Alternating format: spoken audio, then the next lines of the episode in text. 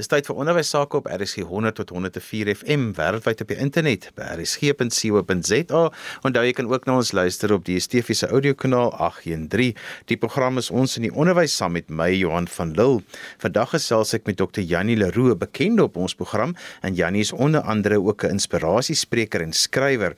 Jannie, ons is hier aan die begin van 2022. Die vakansie gaan ons maar vinnig verby. Die afgelope 2 jaar was vol besondere uitdagings met die COVID-pandemie en dit het stres gelaai op onderwysers en leerders. So wat is jou inspirasie tema waarmee jy ons vir hierdie jaar wat 2022 is wil bemoedig? Johan en luisteraars, baie dankie vir die geleentheid. Vanjaar wil ek met 'n vraag aandui. Waar is jou kurktrekker? Sodat elke keer as 'n mens voel, hoe maak ek nou, moet jy net vir jouself of vir jou span sê, waar is jou kurktrekker? 'n Soort van 'n iets wees wat als ontsluit. Ja nee, ek dink is nog 'n gepaste ding hier oor die vakansietyd dat mense redelik gereeld gevra het, "Waar is die kurktrekker? Ons weet jy dit nodig om 'n bottel wyn oop te maak, maar ons kan normaalweg tog nie 'n bottel wyn in die klas oopmaak nie. Ons sal baie vinnig in die moeilikheid kom.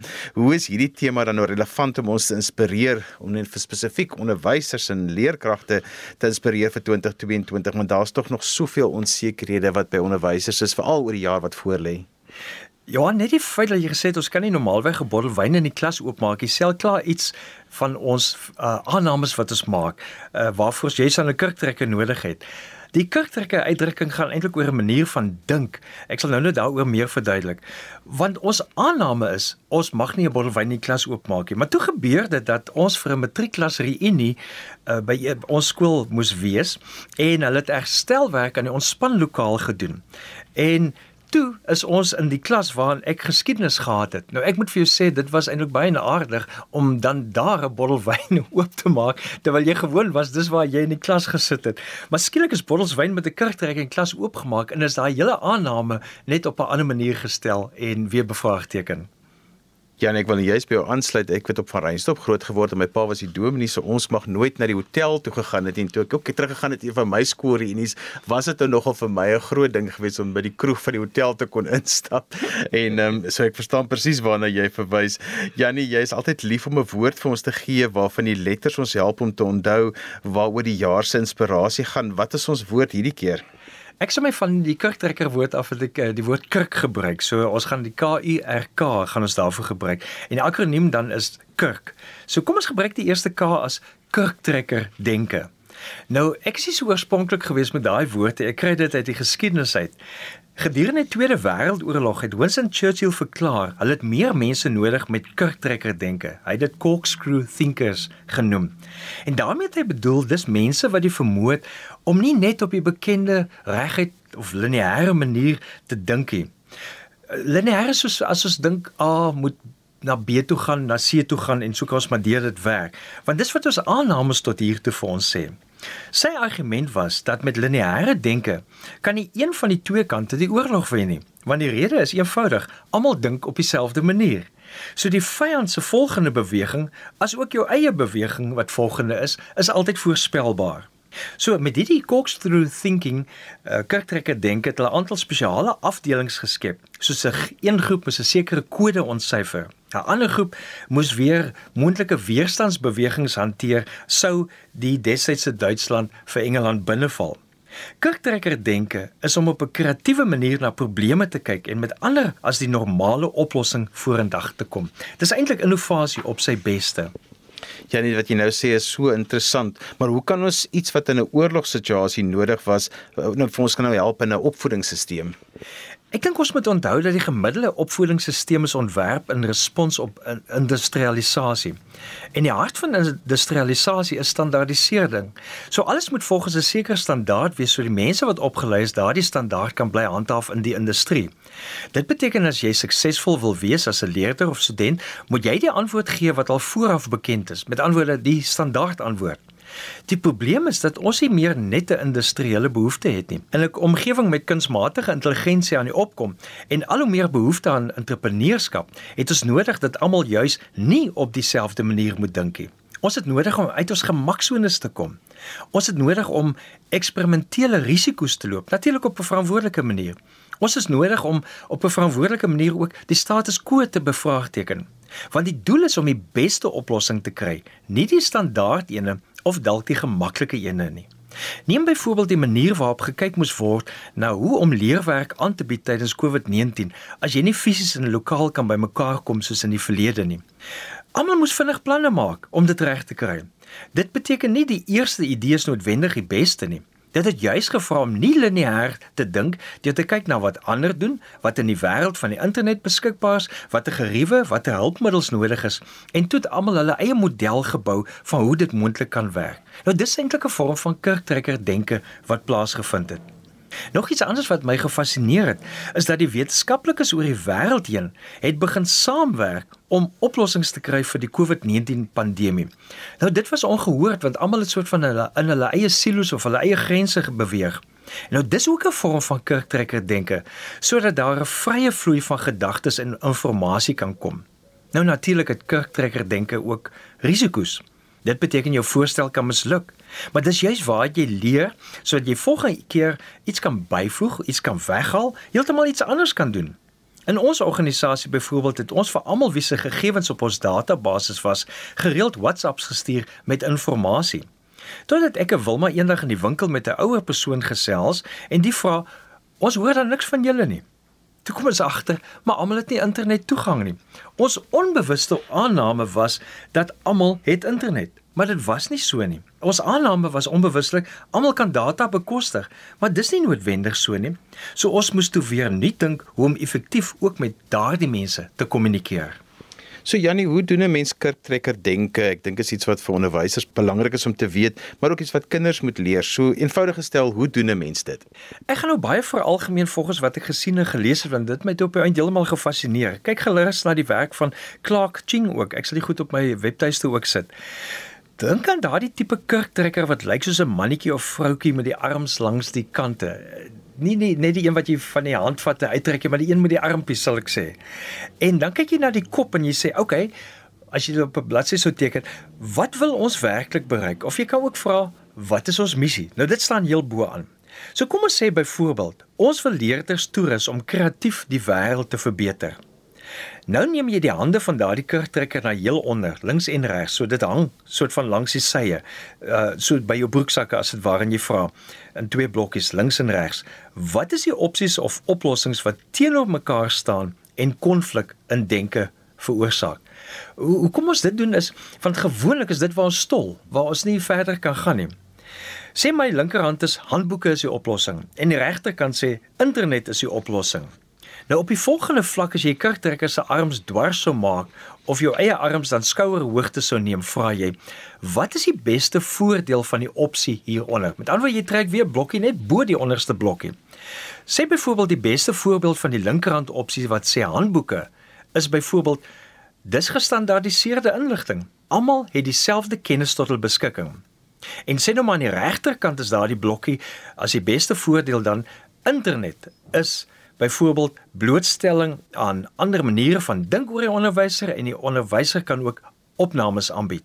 So net om te herhaal, die hande van die kurktrekker na onder vra wat se opsies wat teenoor mekaar staan en die hande van die kurktrekker met die arms dwars vra dan wat is die beste voordeel van elke opsie hieronder genoem. Nou vir die kurktrekker dink is 'n nuwe manier van dink. Met ander woorde, nie lineêr. Daai is lyk nog lineêr. So nou moet ons nie lineêr dink. Watter ander opsies kan ons inbring wat nie met mekaar in konflik is nie? Watter kombinasies kan dalk saamwerk?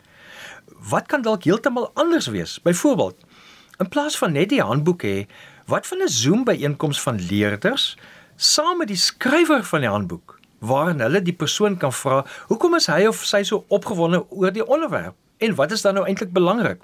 En hoe kan dit kreatief gebruik word?" En dan kan hierdie gesprek opgeneem word en beskikbaar gestel word op die internet. Met eens is dit nie meer net 'n boek nie, maar om te deel in as dit ware die outobiografie en ervarings van die skrywer self. En dit maak dit baie meer persoonlik. Dit gee deelname aan wat weer aandag gee en dit gee 'n goeie leerervaring. Ons weet mos deesdae is ervaring een van die belangrike goed te motivering. So vir verjaar, moenie terugdeins vir opsies wat lyk of hulle teenoor mekaar is nie. Jy hoef nie net die een of die ander een te doen nie. Jy kan juist deur kurktrekker denke verder kom om by nog beter en ander opsies te kom.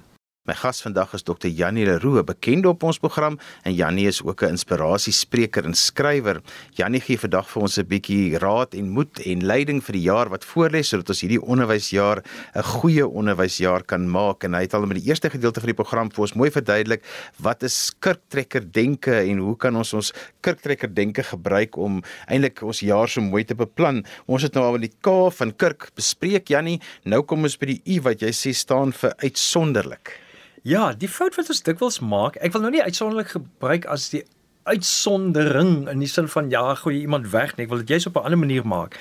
Ons fout wat ons maak is om te kyk wat is die grootste gemiddelde waaraan mense moet voldoen om te slaag. As iemand dan heeltemal buite die boks kreatief dink, dan weet ons eintlik nie lekker hoe om dit te hanteer nie en dan wil ons die persoon inbring onder die grootste gemiddelde. Die ideaal is om te kyk Hoekom is daardie persoon bo kan die gemiddelde van ons kundigheid grafiek as 'n mens so so 'n lyn sou trek? En dan leer jy juis by by daardie persoon. So ons moet gaan soek na die uitsonderlikes. Soos Malcolm Gladwell in sy een boek skryf, hy praat van the outliers. En Sean Eiker, 'n ander persoon wat baie oor die positiewe sielkunde skryf en praat, hy sê mens moet eintlik eers werk aan geluk, want dan is jou kanse beter vir sukses. Nou as 'n mens dit neem in terme van hierdie uitsondering op die reël, dan sal 'n mens byvoorbeeld vra, hoe vinnig kan 'n kind leer om te lees in 'n klaskamer? Maar wetenskaplikes sal dit gou verander na die gemiddelde. Hoe vinnig leer die gemiddelde kind om te lees in daardie klaskamer? En hy sê daarmee buig ons eintlik die hele klas na die gemiddelde. As ons egter net bly bestudeer wat gemiddeld is, bly ons self ook gemiddeld. Daarom is dit beter om intentioneel te vra, waarom? Waarom doen hierdie leerder beter? Waarom doen hierdie opvoeder beter? Want dan kan ons inligting kry wat die hele gemiddelde uiteindelik laat opbeweeg. So vir verjaar bestudeer die uitsonderlik is. Jy kan dalk sommer nou in jou kop al blaai van wie jy al ontmoet het wat uitsonderlik is. Die uitsonderlike leerder, die uitsonderlike opvoeder. Sodat ons kan raak sien wat maak die kurktrekker beweging beter en daarmee verbeter ons eintlik op die ou en die hele stelsel. So ons gebruik die kurktrekker om die prop in die stelsel uit te trek sodat kreatiwiteit en vermoë beter kan vloei soos wyn uit 'n bottel uit of iets uit 'n bottel uit kan vloei waarvan die kurk verwyder is. Ja, ek is so bly jy raak hierdie aan want ons land het nog al 'n hele aantal mense opgelewer wat wêreldwyd vereer word omdat hulle bo die gemiddelde gepresteer of gedink het en ons geleer het ook van waardes. As ek dink aan ons gewone mense word ons so gebombardeer met inligting. As iemand net 'n oomblik tyd het, sal die persoon nie net sit nie, maar eerder 'n selfoon uithaal en iets daarop kyk. En dis seker maar 'n gewoonte meer as wat dit 'n noodsaaklikheid is en ek dink baie van ons haal maar ook asem deur ons tegnologie. Ons brein is ingestel om dopamien vry te laat sodra ons iets doen wat ons oorlewing verseker. Nou dopamien, soos jy weet, is die breinchemie wat ons letterlik gelukkig maak. En baie studies het al gewys as ons besig is met ons selfone, op een of ander manier slaag die persone daarin om goed in programme aan die gang te kry wat help dat die dopamien vrykom en dit laat ons opgewek en gemotiveerd en gelukkig raak. Maar nou raak ons op 'n manier ook verslaaf daaraan. Ek het nou die dag weer gekyk toe ek deur die mall loop. Dis net opvallend opvallend hoeveel mense daar is en vanoggend toe ek uh, hier na toe ry, dis dit opvallend hoeveel mense by robotte as die lig rooi is net op hulle selfone besig is, daardie vorm van aktiwiteit. So daarom is die derde letter van die woord kirk die letter R en ek noem dit realiteit bewus.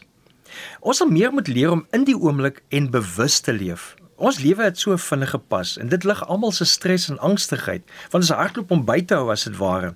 En dit beteken ongelukkigheid, dit beteken oorwerkheid, dit beteken dat mense oormoeg en oorgestimuleer voel. Maar nou is die ergste daarvan, dit raak skielik die nuwe norm. As jy realiteit bewus is, het 'n mens beheer oor jou eie gedrag en denke.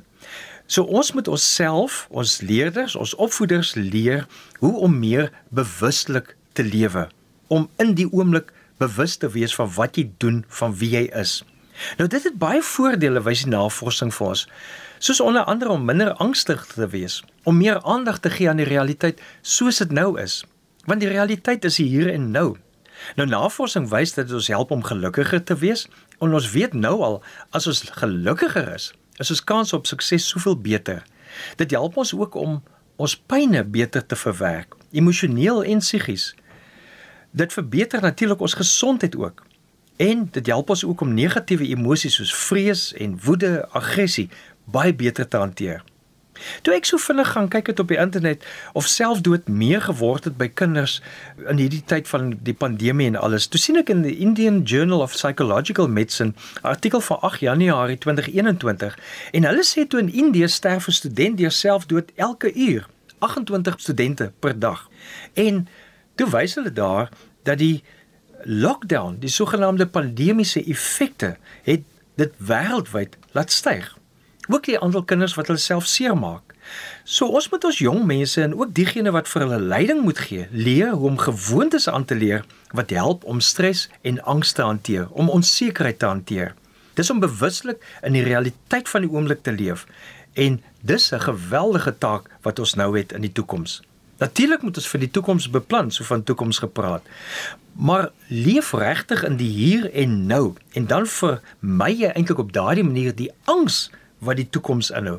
Want dit wat die toekoms is, het nog nie gebeur nie. Dis net jou angstigheid, jou denke daaroor wat dit vir jou sleg maak. Dis om meer aktiwiteite te doen wat jou in die sogenaamde vloei of flow beweging bring. Soos byvoorbeeld as 'n mens draf of deelneem saam met ander aan 'n sport of ander aktiwiteite doen. Jy's in daardie oomblik. Ek ry langs die nasionale pad en ek sien hoe speel die kinders uh sokker. Dit is net opvallend as daar 'n bal ergens is hoe mense aan die gang kom en skielik is almal deel van die ding en neem hulle deel in daardie oomblik. Hulle is in die vloei van die oomblik. So om in die realiteit te leef is om byvoorbeeld bewus te wees van jou asemhaling. Dis om eenvoudig in te asem terwyl jy vir jouself en jou gedagtes sê ek asem nou in. En dan met die volgende inasem te sê ek is nou hier. En 'n mens leer hierdie bewegings aan sodat jy in die realiteit is. Een van die bewegings wat baie veld gewen het die laaste paar jaar is om 'n joernaal te hou, die sogenaamde journaling. En dit is sommer 'n gewone boek wat jy neem met skoon bladsye en 'n pen en jy gebruik dit as jou joernaal. Dis om voor jy na jou dagboek kyk of voordat jy klas toe gaan, net 'n bladsy of 'n deel van die bladsy met jouself as dit ware in te check. Wat dink jy? Wat voel jy? Waar sit daai gevoel in jou lyf? net neer te skryf wat in jou kop aangaan. En so word jy bewus van jouself en die realiteit waarin jy is. Jy kry dan weer perspektief.